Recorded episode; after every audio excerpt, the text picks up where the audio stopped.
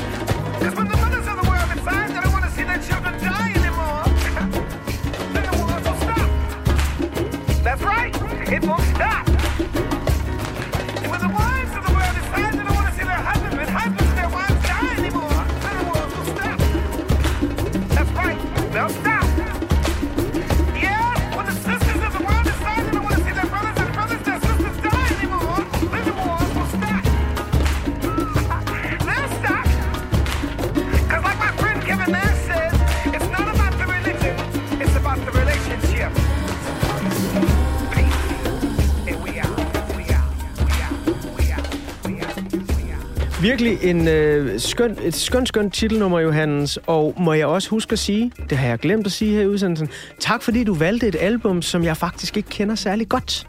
Velbekomme. Det er jo simpelthen gaven for mig som musikformidler og vært på det her program, at det er mine gæster, der skal vælge de her albums. Og jeg kender Stevie Wonder rimelig godt, mm. øh, og især hans klassiske albums. Mm. Men jeg må ærligt indrømme, at lige det her, det er sådan lidt øh, strøget min næse forbi, og der er med med mange fede ting på. Altså. Ja, det synes jeg også. Nu øh, har vi jo fået tegnet sådan et rimelig godt portræt af dit barndomshjem, eller dine barndomshjem, der var delt op i to. Et lille bofællesskab, og så senere en villa. Mm-hmm. Og tiden, hvor du tager til New York, ene mand, skråstreg, dreng, jeg ved ikke, hvad vi skal kalde dig, når du er 19 år Tog gammel. afsted som dreng og kom hjem som mand, tror jeg. Åh, oh, den, den store dannelsesrejse. Ja, altså, ja, det det var var en god virkelig. formulering.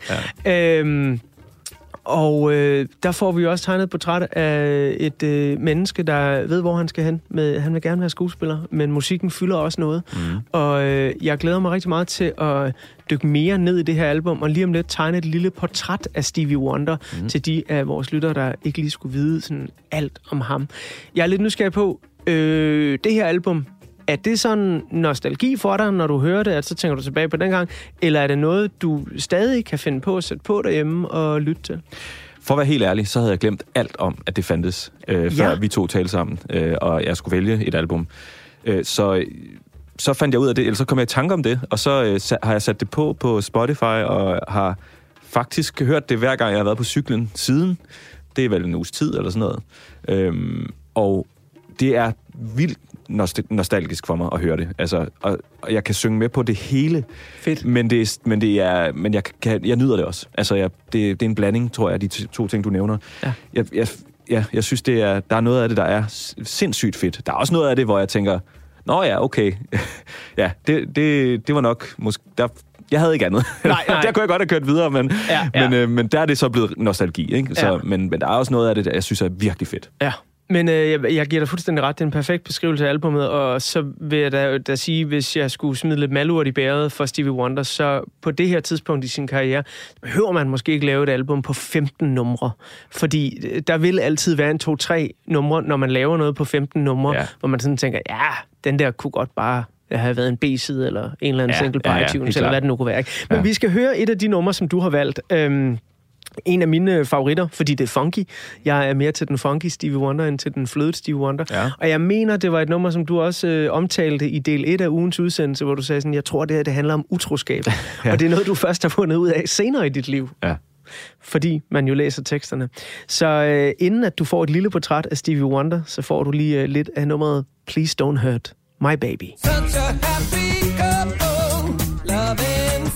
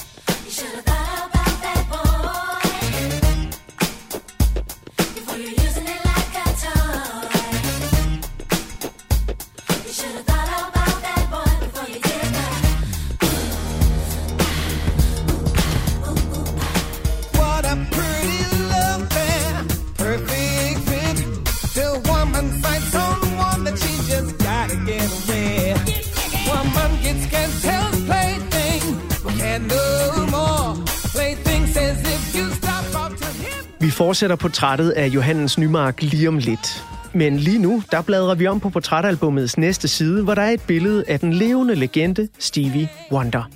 Og altså ærligt talt, det virker næsten som en fuldstændig absurd øvelse for mig som musikformidler, at skulle give dig et oprids over så stor og gloværdig en karriere på bare et par få minutter. For der er meget at fortælle.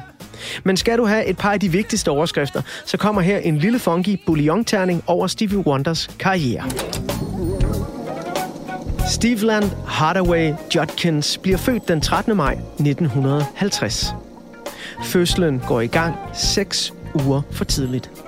Og på grund af komplikationer, der opstår i hospitalets inkubator, mister lille Steveland synet.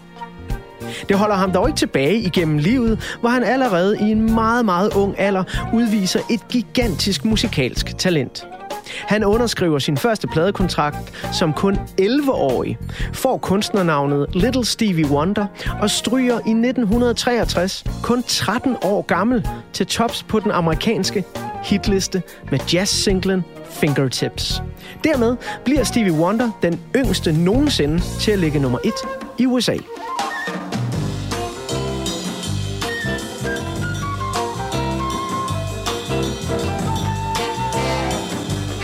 Det musikalske vidunderbarn blev især bemærket på sit pladeselskab Motown, fordi han vidderligt var et enmandsband. Inden Stevie Wonder er fyldt 15, spiller han blandt andet både trommer, guitar, klaver, harmonika og synger som en drøm. Sammen med sin manager Sylvia Moy skrev han i 1965 nummeret Uptight og skrottede Little i sit kunstnernavn. For når ja, Stevie Wonder var jo nu en grandvoksen mand på 15 år.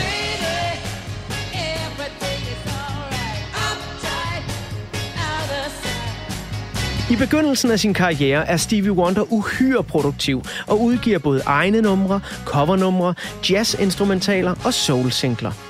De fleste musikforskere og anmeldere er dog enige om, at Stevie Wonders storhedstid, hvor han udgiver, hvad der senere refereres til som de klassiske Stevie Wonder-albums, løber fra ca. 1972 til 76. Her udgiver han albums, der bliver sindssygt vigtige for musikhistorien og stadig den dag i dag er byggesten for moderne hiphop, R&B og pop. Albumsene Inner Visions fra 73, Fulfillingness First Finale fra 74 og den kæmpe store Songs in the Key of Life fra 1976 vandt alle sammen Grammy'er som årets bedste album. Og det gjorde på det tidspunkt Stevie Wonder til den eneste kunstner nogensinde, der har vundet årets bedste album tre år i streg.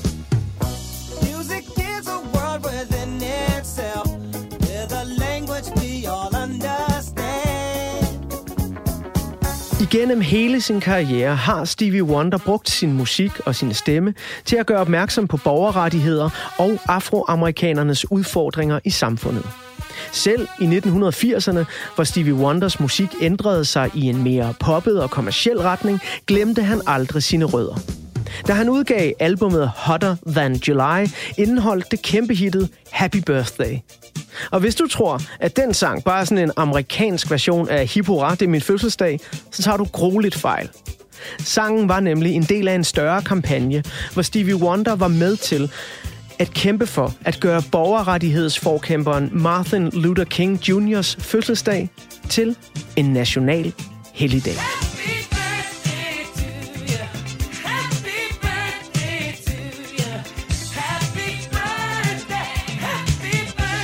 Og det lykkedes. Den 2. maj i år 2000 anerkendte staten South Carolina som den sidste stat i USA The Martin Luther King Day. Og det er ikke den eneste af Stevie Wonders politiske meritter.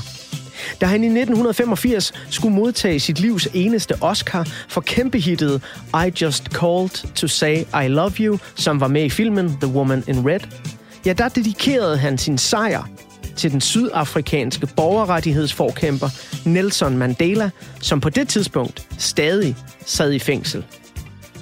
Det lille stunt gjorde, at Stevie Wonder blev bandlyst fra alle sydafrikanske medier og radiostationer med omgående virkning. I Just Called to Say I Love You blev alligevel Stevie Wonders største kommercielle hit og er stadig på top 15 over de bedst sælgende singler i Storbritanniens historie. I just called to say I love you. I just called to say how much I care. Igennem 1960'erne nåede Stevie Wonder at udgive 11 fuldlængde albums. I 1970'erne udgav han 8, i 1980'erne 4, og i 1990'erne to, hvoraf det ene var et soundtrack. Albummet A Time to Love, som ugens gæst Johannes Nymark har valgt til at tegne et portræt af ham, er det eneste album Stevie Wonder nåede at udgive i nullerne, og er samtidig hans seneste fuldlængde album.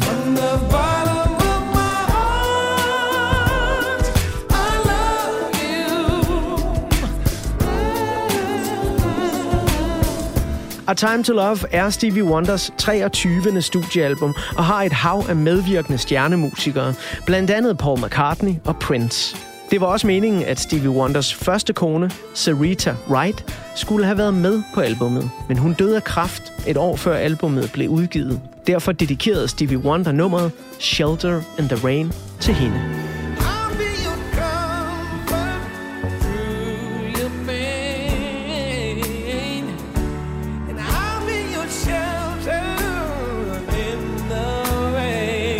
Stevie Wonder er stadig aktiv og udtalte i 2020, lige før corona gjorde musikverdenen til et meget, meget mærkeligt sted at være, at han var i gang med at arbejde på to albumprojekter, kaldet The Gospel Inspired by Lula, og det her er en helt genial albumtitel fra en blind mand, Through the Eyes of Wonder.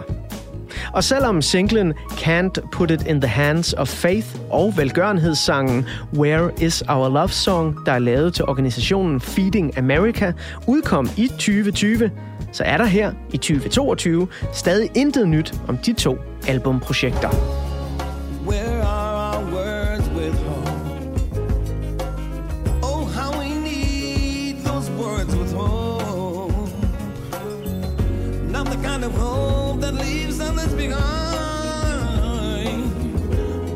But the kind of hope that lifts up all humankind. Where all? Stevie Wonder har her i 2022 solgt over 100 millioner albums, vundet 25 amerikanske Grammy'er og en Oscar. Han er indlemmet i Rhythm and Blues Music Hall of Fame, Rock and Roll Hall of Fame og Songwriters Hall of Fame, og modtager af præsident Barack Obama The Presidential Medal of Freedom. I de seneste par år har han optrådt til en række store musikers mindeceremonier og begravelser. Det skete i 2009 til Michael Jacksons mindeceremoni, i 2012 til Etta James' begravelse og til Whitney Houstons mindeceremoni, og senest i 2018 til Aretha Franklins begravelse.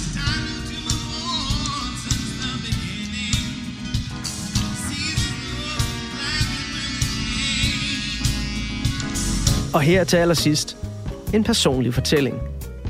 Jeg ser selv Stevie Wonder som en af den der slags musikere, der betyder mange forskellige ting for meget forskellige mennesker. For mig, der vil hans harmonika-solo på nummeret Isn't She Lovely altid minde mig om min bedste og mest uskyldige barneår. Og her, mange år senere, så minder hans brug af klavinet-keyboardet mig altid om at flytte til storbyen og feste hele natten i bitte små lejligheder. Stevie Wonder er en af de vigtigste afroamerikanske musikere og kan sammen med blandt andre Marvin Gaye krediteres for at ophæve musikalbummet til at være meget mere end bare en samling af sange. Hans bedste albums er sammenhængende fortællinger, der rent faktisk har gjort en forskel for den verden, vi lever i. Og så eksploderer mit hoved altså, hver eneste gang jeg finder ud af, at Stevie Wonder selv spiller alle instrumenterne på flere af hans største numre. Der er mange gode numre på Stevie Wonders seneste studiealbum A Time to Love fra 2005. Blandt andet første singlen So What the Fuss, hvor Prince lige kommer forbi og spiller lidt guitar. Den her sang, den må du gerne få et glas mere til. Okay. Prince, pop it. Yeah, y'all ready? We gon' get it. If I'm caught in the dance party without my dancing shoes and everybody dances on my back feet, shame on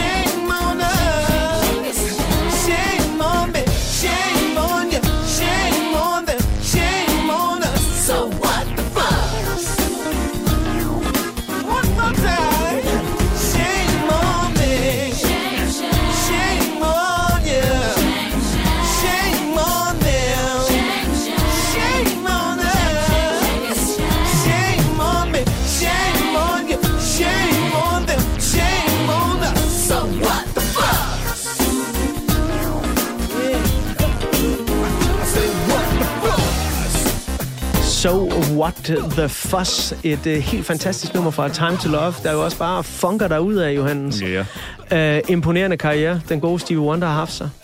det må man sige. Det er jo helt vanvittigt. findes nærmest ikke øh, noget lignende. Nej, det er jo det. Og jeg er altid, jeg synes altid, jeg kommer lidt på spanden i programmet her, når jeg sådan tager fagtag med de helt store. Ja. Du ved, det, det er nogle gange lidt lettere, hvis vi behandler et eller andet øh, folk indie rockband, der har udgivet fire plader, ja. Øh, som ikke har solgt så meget. Ja. Men, men det her, det er jo altså...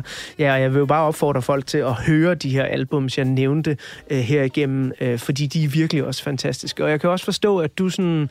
Jeg ved ikke, om jeg kan sige, at du er vokset op med Stevie Wonder, men det har i hvert fald ligget et eller andet sted i din barndom og ungdom. Ja, det har det. Altså, jeg kan faktisk ikke huske, hvornår jeg øh, første gang stiftede bekendtskab med hans musik. Øhm, men jeg kan bare huske, at det var der. At vi har måske sunget noget af det i, altså i nogle af de der korsammenhænge, eller øh, noget i den stil. Og så vil jeg sige, noget af det... No, det her album er jo ikke det mest sådan sangvenlige album. Altså, Nej. det er ikke lige... Øh, jeg tænkte over, hvorfor har jeg egentlig aldrig taget det med til en sangtime, øh, time, eller øh, jeg gik meget til det? Men de, de er jo ikke så sådan solosangsvenlige, eller lige med, du ved, de er, det er jo lidt avanceret på en eller anden måde, Ja, ikke? ja, helt vildt meget. Så jeg har aldrig kastet mig ud i at, at synge Blue Moo Nej, nej. til, til solosang eller til en audition eller noget af den stil. Men det har jeg med nogle af de andre sange. Okay. Og øh, altså Lately for eksempel, jeg nævnte den også tidligere, den, ja. den husker jeg også som den, jeg havde med. Jeg gik også til sang i New York, som en del af min, under, af, af min uddannelse der. Og der var den, den sang jeg øh, ofte til, til de der timer. Okay. Øhm, fordi det er jo sådan, som jeg sagde, det er også en helt anden måde at synge på, end, end, end det, der lige ligger sådan lettest for øh, øh, til min stemme. Lately I have had the strangest feeling with no vivid reason here to find. da jeg gik rundt i New York og hørte de der sange og, og, og hørte hans stemme, hvis jeg vidste alt det, du lige har siddet og ramset op øh, Ja. i forhold til hans karriere og hans liv og alt det der, øh, øh, altså, øh, han har kæmpet for politisk også, altså det, det tror jeg ikke, jeg kunne have brugt til noget på det tidspunkt. Nej. Jeg var et helt andet sted, hvor jeg bare hørte, jeg hørte bare noget lyd, og jeg hørte bare, Ja, du ved, ja. altså den vildeste stemme, og du ved, og, og det er først nu, eller det var så først årene, meget senere, at jeg fandt ud af det om hans historie, og sådan, Ja. at det også kunne få lov at have en plads i mig og min bevidsthed i forhold til, til Stevie Wonder som kunstner. Det virker jo i hvert fald som om, at, at det er en bevidsthed, der, der stadig øh, bor rigtig meget i dig, Johannes. Mm. I øh, del 1 af ugens portrætalbum, der lavede jeg jo sådan en lille opsummering over, øh, hvem du er, hvad du har lavet, og også landet i, hvor du er i dit liv lige nu. Du har lige offentliggjort, at øh, du har en af de større roller i en kommende musical, der hedder Jersey Boys. Ja. Hvornår er det, den får premiere? Ja, men den øh, får så premiere til no, november. to eller november. Ja, men for fanden. Det er faktisk det er blevet rykket lidt, øh, og det er også på grund af alt det her, jeg sagde med øh, kriser i kulturen. Så, øh, Ja. så det er lige rykket lidt. Jeg tror nok, det er jo i oktober. Ja. Og så øh, er det jo meget sjovt, fordi øh, den handler jo om Frankie Valli og The Four Seasons, mm. og de var jo også på Motown engang. Ja, Ja. altså. Det, øh, jeg jeg øh, tror faktisk, at det er, det er sådan en af den der slags musicals, jeg skal ind og se. Ja. Øh, fordi jeg kan jo godt lide musicals, der netop handler om musik. Ja.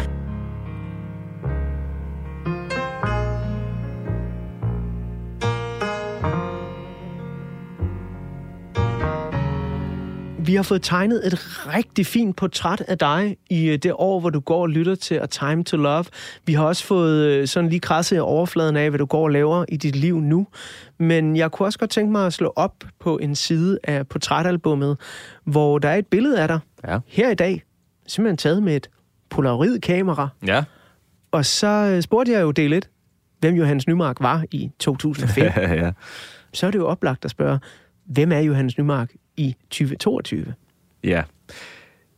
Ja, jamen, øh, jeg er jo det samme menneske selvfølgelig, men med enormt mange år imellem, og en hel masse oplevelser, og øh, altså livsændrende oplevelser. Øhm, og det siger jeg helt klart med, med, med tanke på det at være blevet far, øhm, som jo øh, springer, helt klart springer sådan frem som det alt overskyggende, øh, det store begivenhed i mit liv.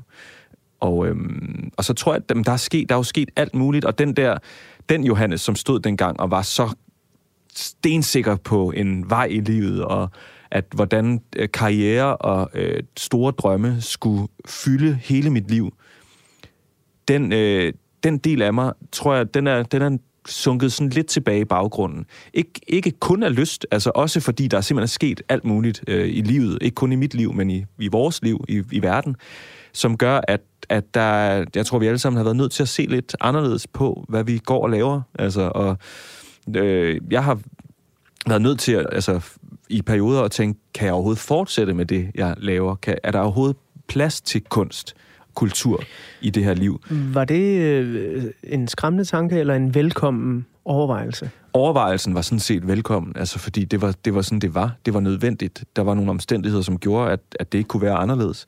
Men, men udfaldet af at skulle tænke den tanke til ende, var ikke særlig rar.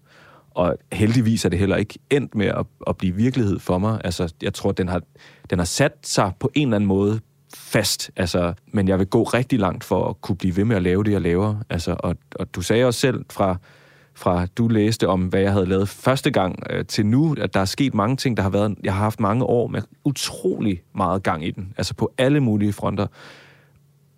Måske er det ikke så slemt, at der, at der lige er en tid til at, at reflektere og til at... Det siger jeg også for at overbevise mig selv, fordi jeg synes ikke, det har været nemt, det må jeg indrømme. Men, men jeg vil gerne have noget godt ud af det, og det tror jeg også på, at jeg får og, og, og har fået. Og jeg, jeg har i hvert fald fundet ud af ikke at give op. Altså, og, og heldigvis er der også kommet gang i tingene igen. Ikke? Og jeg tror, at de fleste har fundet ud af, at vi kan ikke undvære kulturen. Det kan godt være, at det ikke fyldte meget i valgkampen, men... øh, Nej, det skal jeg godt nok lige love for, at det ikke det gjorde var, det. det var lidt skræmmende, faktisk. Ja, Øhm, det, det var ret skræmmende, for jeg havde da... Nu kom der så ligesom nogle andre ting ind fra siden, ikke? Ja. En krig i Ukraine, Ja. ja. og en inflation, og en energikrise og så videre. Men jeg havde da netop regnet med, at når vi kom ud på den anden side af corona, og vi alle sammen vidste, hvad vi går glip af, når der ikke er det teatre. Er når der ikke have det. Ja. Øh, og det, det skete så øh, jo, jo godt nok ikke. Men gør, altså, gør det dig så ikke også øh, både stolt og meget glad, når du så øh, lander en øh, stor rolle, som du nu har gjort i sådan noget som Jersey Boys? Jo, det gør det. Altså, det gør det helt klart. Og det skal jeg også huske på, hvor meget den følelse også skal have lov til at være der. Fordi der kan godt være en tendens til, øh, for mig i hvert fald, og det tror jeg gælder for flere i min branche, at man hele tiden tænker frem, man hele tiden er videre, og hele tiden tænker, godt, den rolle, den fik jeg på det her tidspunkt, så er jeg videre. Hvad, hvad, fordi, og det er jeg jo også nødt til, fordi jeg er nødt til at få fyldt min kalender op, for at få tingene til at køre rundt, og for at få mad på bordet, og få øh, benzin til at kunne køre, køre min dreng til fodbold, og så videre, og så videre. Øh, jeg har selvfølgelig lavet cyklen, det er klart. Men, øh, men så jeg, jamen er, jeg, jeg er nødt til også at tænke fremad. Og det kan godt nogle gange gå ud over den der glædesfølelse, den der mm. følelse af, som du siger, stolthed over, når det så rent faktisk lykkes, de der ting. Og have en, jeg har en fed film i biografen lige nu. Altså, der, der er egentlig nok at være glad for, og det skal jeg minde mig selv om.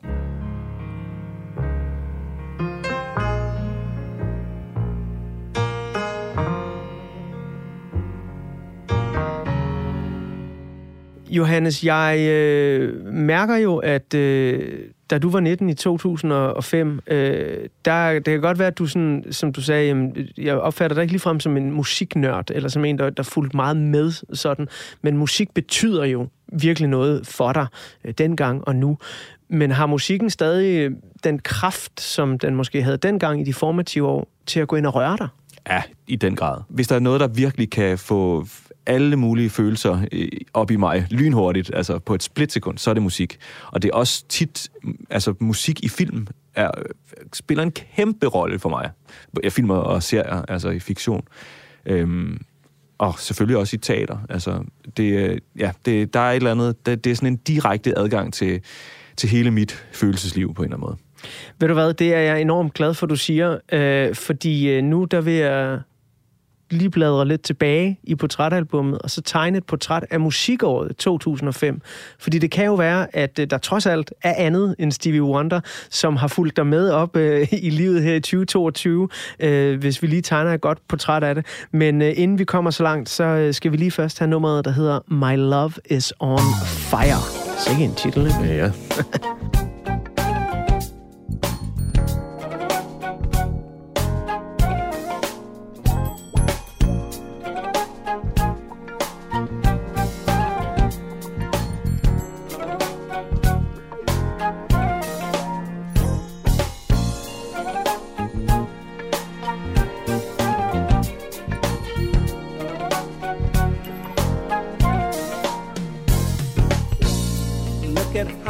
stop and stare. As if they've never seen a heart in love. And though I see them, I don't care. Cause I'm too busy thinking about our love. Thinking about that each and every morning. I wake up to that love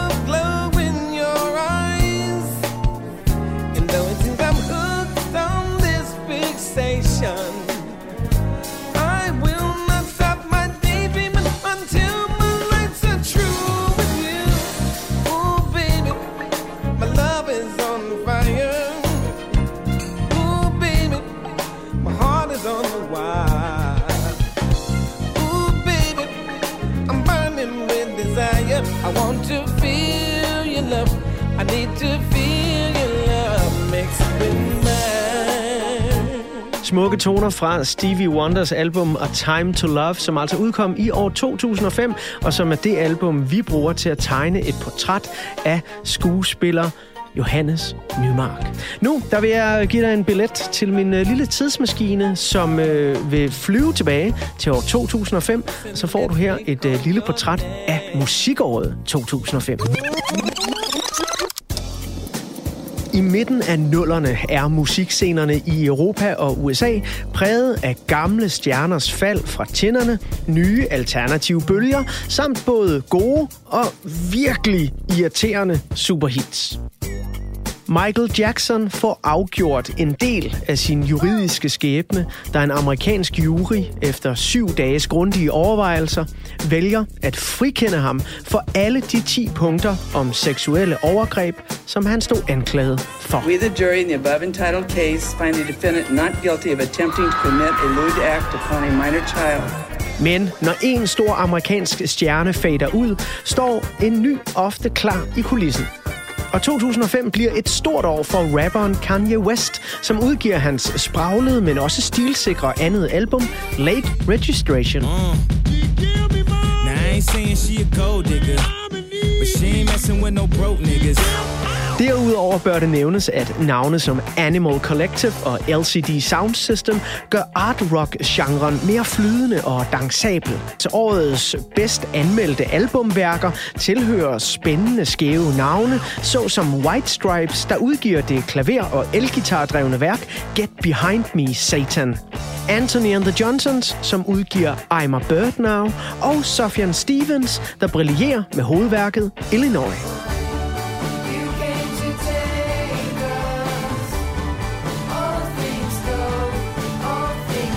Men det er naturligvis, fristes jeg til at sige, slet, slet ikke nogle af disse navne, der bliver mest spillet i radioen eller sælger flest singler i 2005.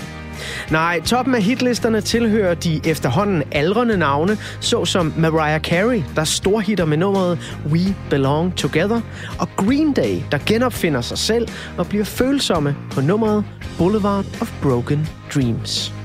Og det sker alt imens, at nyere navne, såsom Three Doors Down, Missy Elliott og Kelly Clarkson, også tager deres bid af kagen med singler, der blev udgivet lige op til julesalget 2004, og derfor hitter stort hele vejen igennem 2005.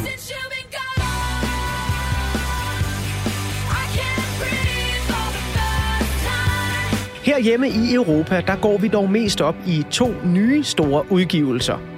Engelske Coldplays nye album X and Y, og så verdens mest enerverende, irriterende, internets skraldespands svenskerfænomen, Crazy Frog, som hitter stort med det totalt ligegyldige nummer Axel F. What's going on? dum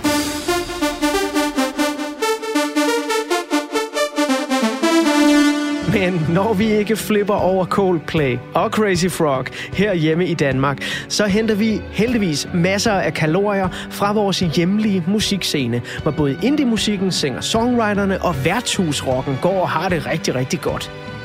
Da Danish Music Awards hylder 2005-udgivelserne ved prisuddelingen året efter, så bliver årets danske sangerinde Tina Dikov, I love the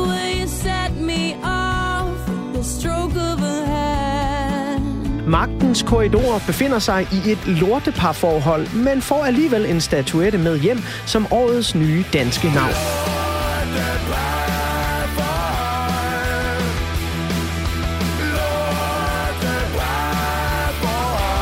TV2 vender stærkt tilbage med det Thomas Troelsen producerede album De Første Kærester på Månen, som de vinder årets danske hit og årets danske popudgivelse for. Jeg troede,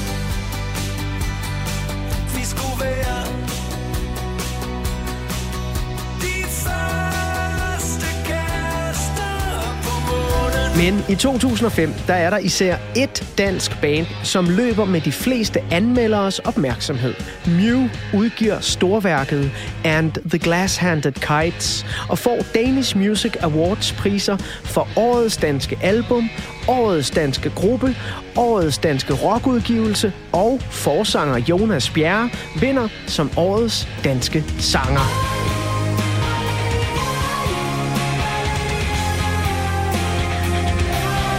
Men det her, det var jo bare en opremsning over den musik, som anmelderne og prisuddelingerne elskede allermest i 2005. Så hvordan så det egentlig ud på singlehitlisterne og på radioens spillelister her i Danmark, når vi kigger på den danske musik? Jo, her er der helt nye navne på vej. Anna David hitter med nummeret Fuck dig.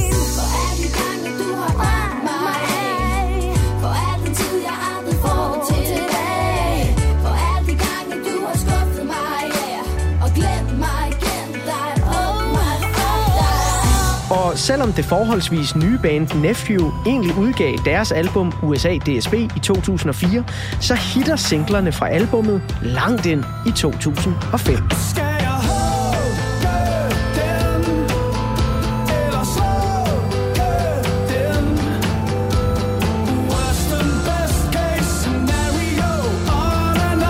Det samme gør sig gældende for Peter Sommer, der udsendte sin debut i 2004, men i 2005 får et ret habilt radiohit med det smukke nummer Tigger. Du den smukkeste tigger. Ring, hvis du lander på rør. Car Park North er klar med deres andet album og hitter med nummeret Human.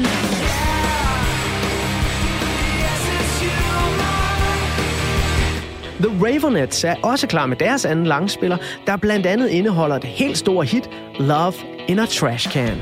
Og så er det jo også i 2005, at Kashmir udsender deres måske mest undervurderede album No Balance Palace, som bliver gæstet af både Lou Reed og selveste David Bowie.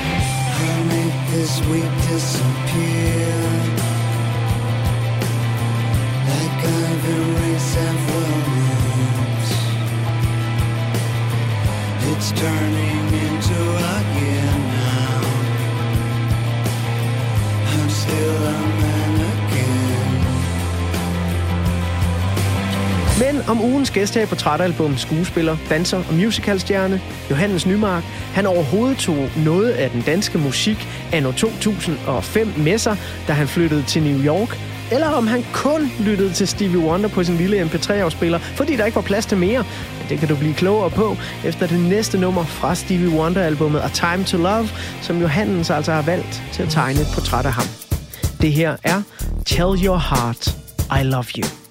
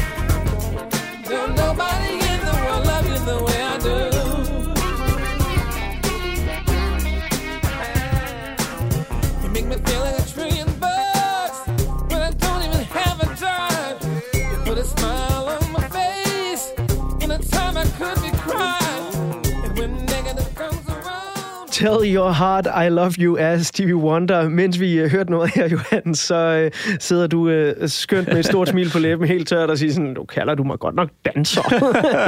Men det er måske lige at strække den for langt. Jeg tror bare, det er, fordi jeg er så imponeret af, hvis man stiller sig op på national tv og kommer nummer to i Vild med Dans, Ja, så må sådan man kunne noget noget. med sine fødder. Ja, men helt klart. Ja. Og jeg vil da sige, jeg har, da også, jeg har da også danset i mit liv, men øhm, øhm, altså, det der med at, sådan, at blive kaldt øh, for en danser, det, det er nok Ja. mest, fordi jeg, jeg, jeg tænker på dem, der rent faktisk er dansere. Ja, selvfølgelig. altså, de, må, selvfølgelig. de må sidde og tænke, ja, okay, ja. slap af.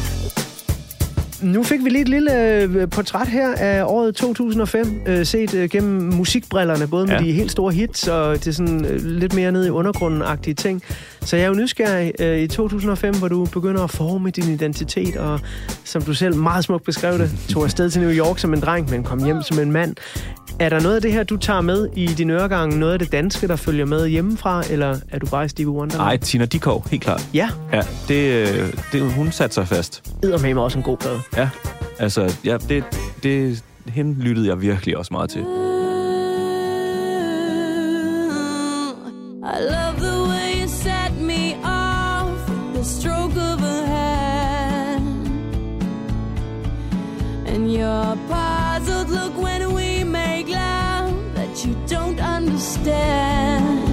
Jeg kan stadig godt finde på at sætte nogle af hendes øh, de plader på der, som udkom i den periode.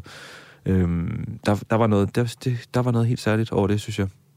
Der var noget melankoli, og det er måske... Øh, ja, Jamen, tilbage til, hvad vi Ja, snakkede om, at, at der er også en iboende melankoli i det. ja, det er der. Øh, og det har jeg også kunne fornemme i den tid, vi har snakket sammen nu, og jeg begynder snart at bladre op på de sidste sider af portrætalbummet. Så jeg synes, vi har, vi har fået et godt billede af øh, hele Johannes Nymark.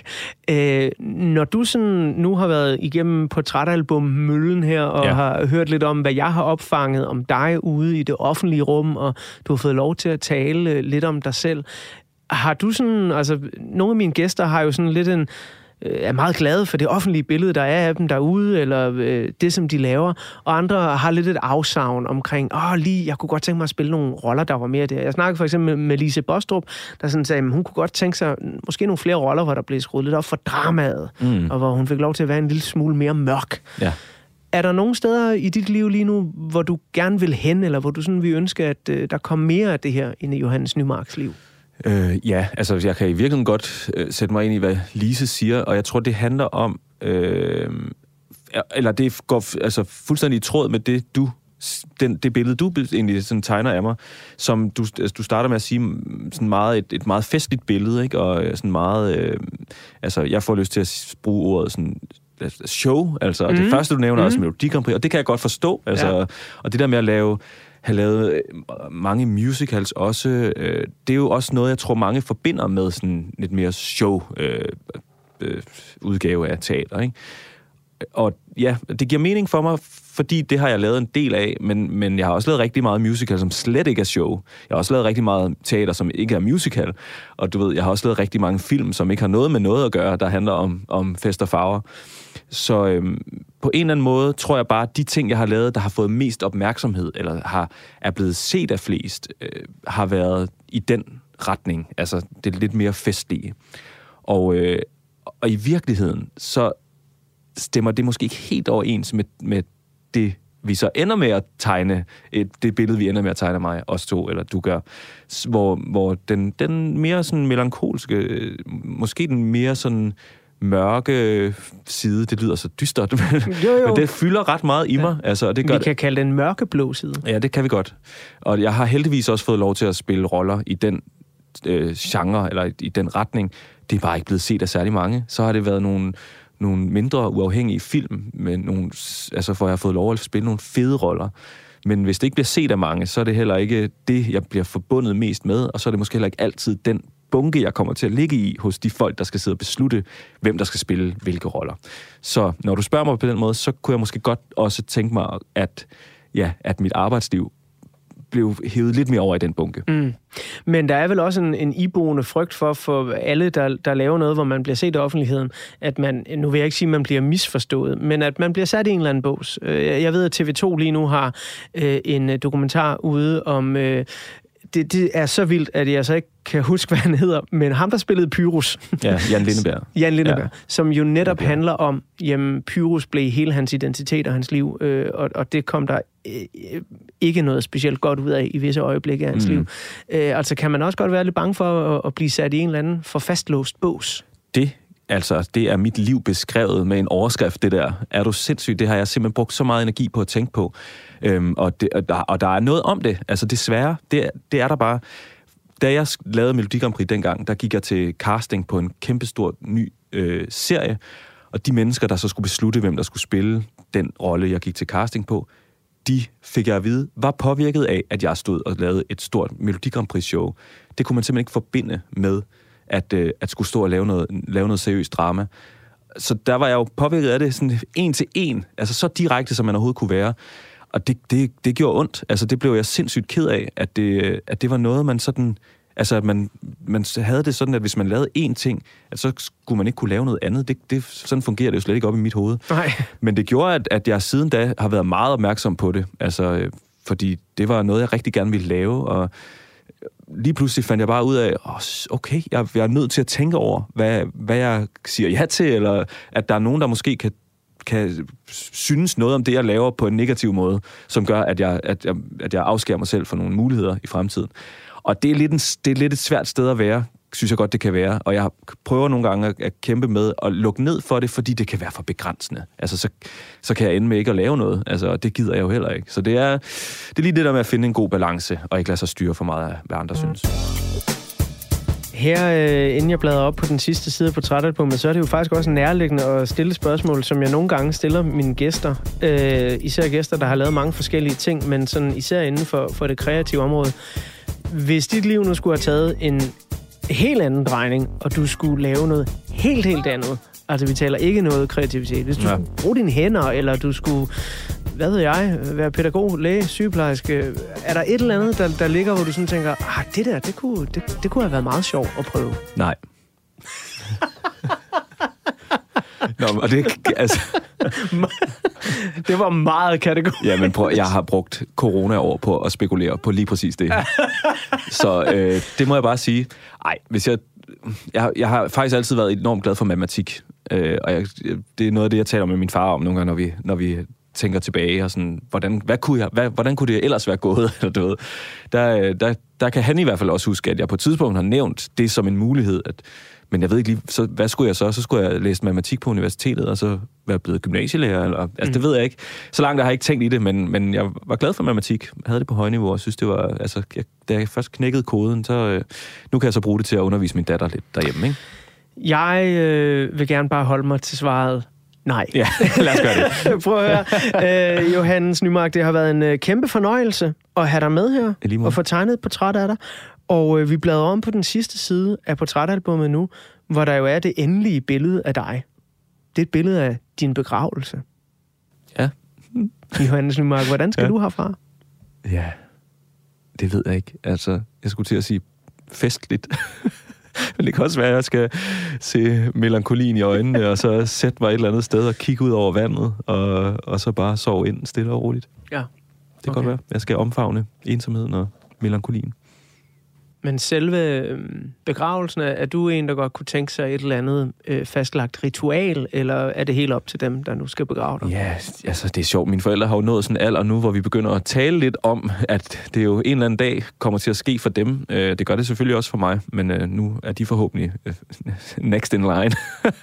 og det lyder også lidt morbidt, men... Nå, Jeg ved, hvad du men, mener. Ja, øhm, så der, der taler vi om det der med, øh, at jo mere man ligesom kan give sine, øh, sine efterladte af oplysninger om, hvad man godt kunne tænke sig, jo, jo bedre, øh, siger jeg.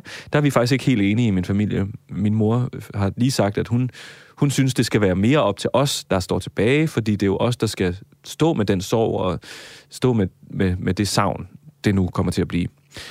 Jeg, tro, jeg tror, at jeg på et tidspunkt kommer til at gøre mig nogle tanker om det. Der er jeg ikke helt endnu. Og så vil jeg, tror jeg egentlig gerne, jeg vil give det videre til min, øh, dem, der nu er i mit liv på det tidspunkt. Forhåbentlig er der en hel masse af hele min familie, der er stadig øh, børn og kærester og så videre, så de ved, hvad jeg godt kunne tænke mig.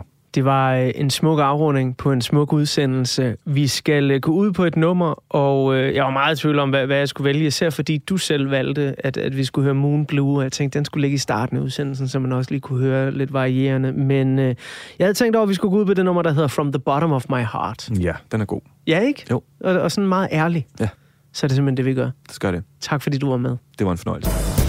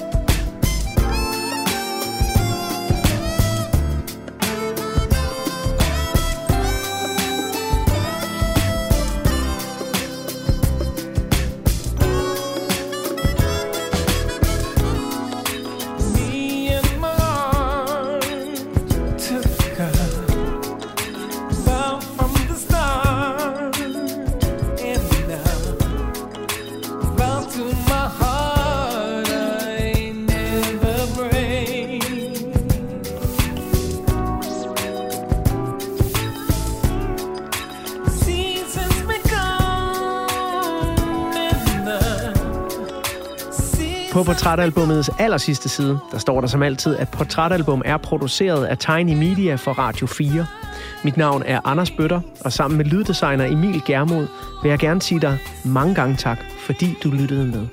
Der er flere portrætter fra programmet her, hver fredag kl. 17-19 på Radio 4 eller i Radio 4's app, som du kan hente i App Store eller hos Google Play.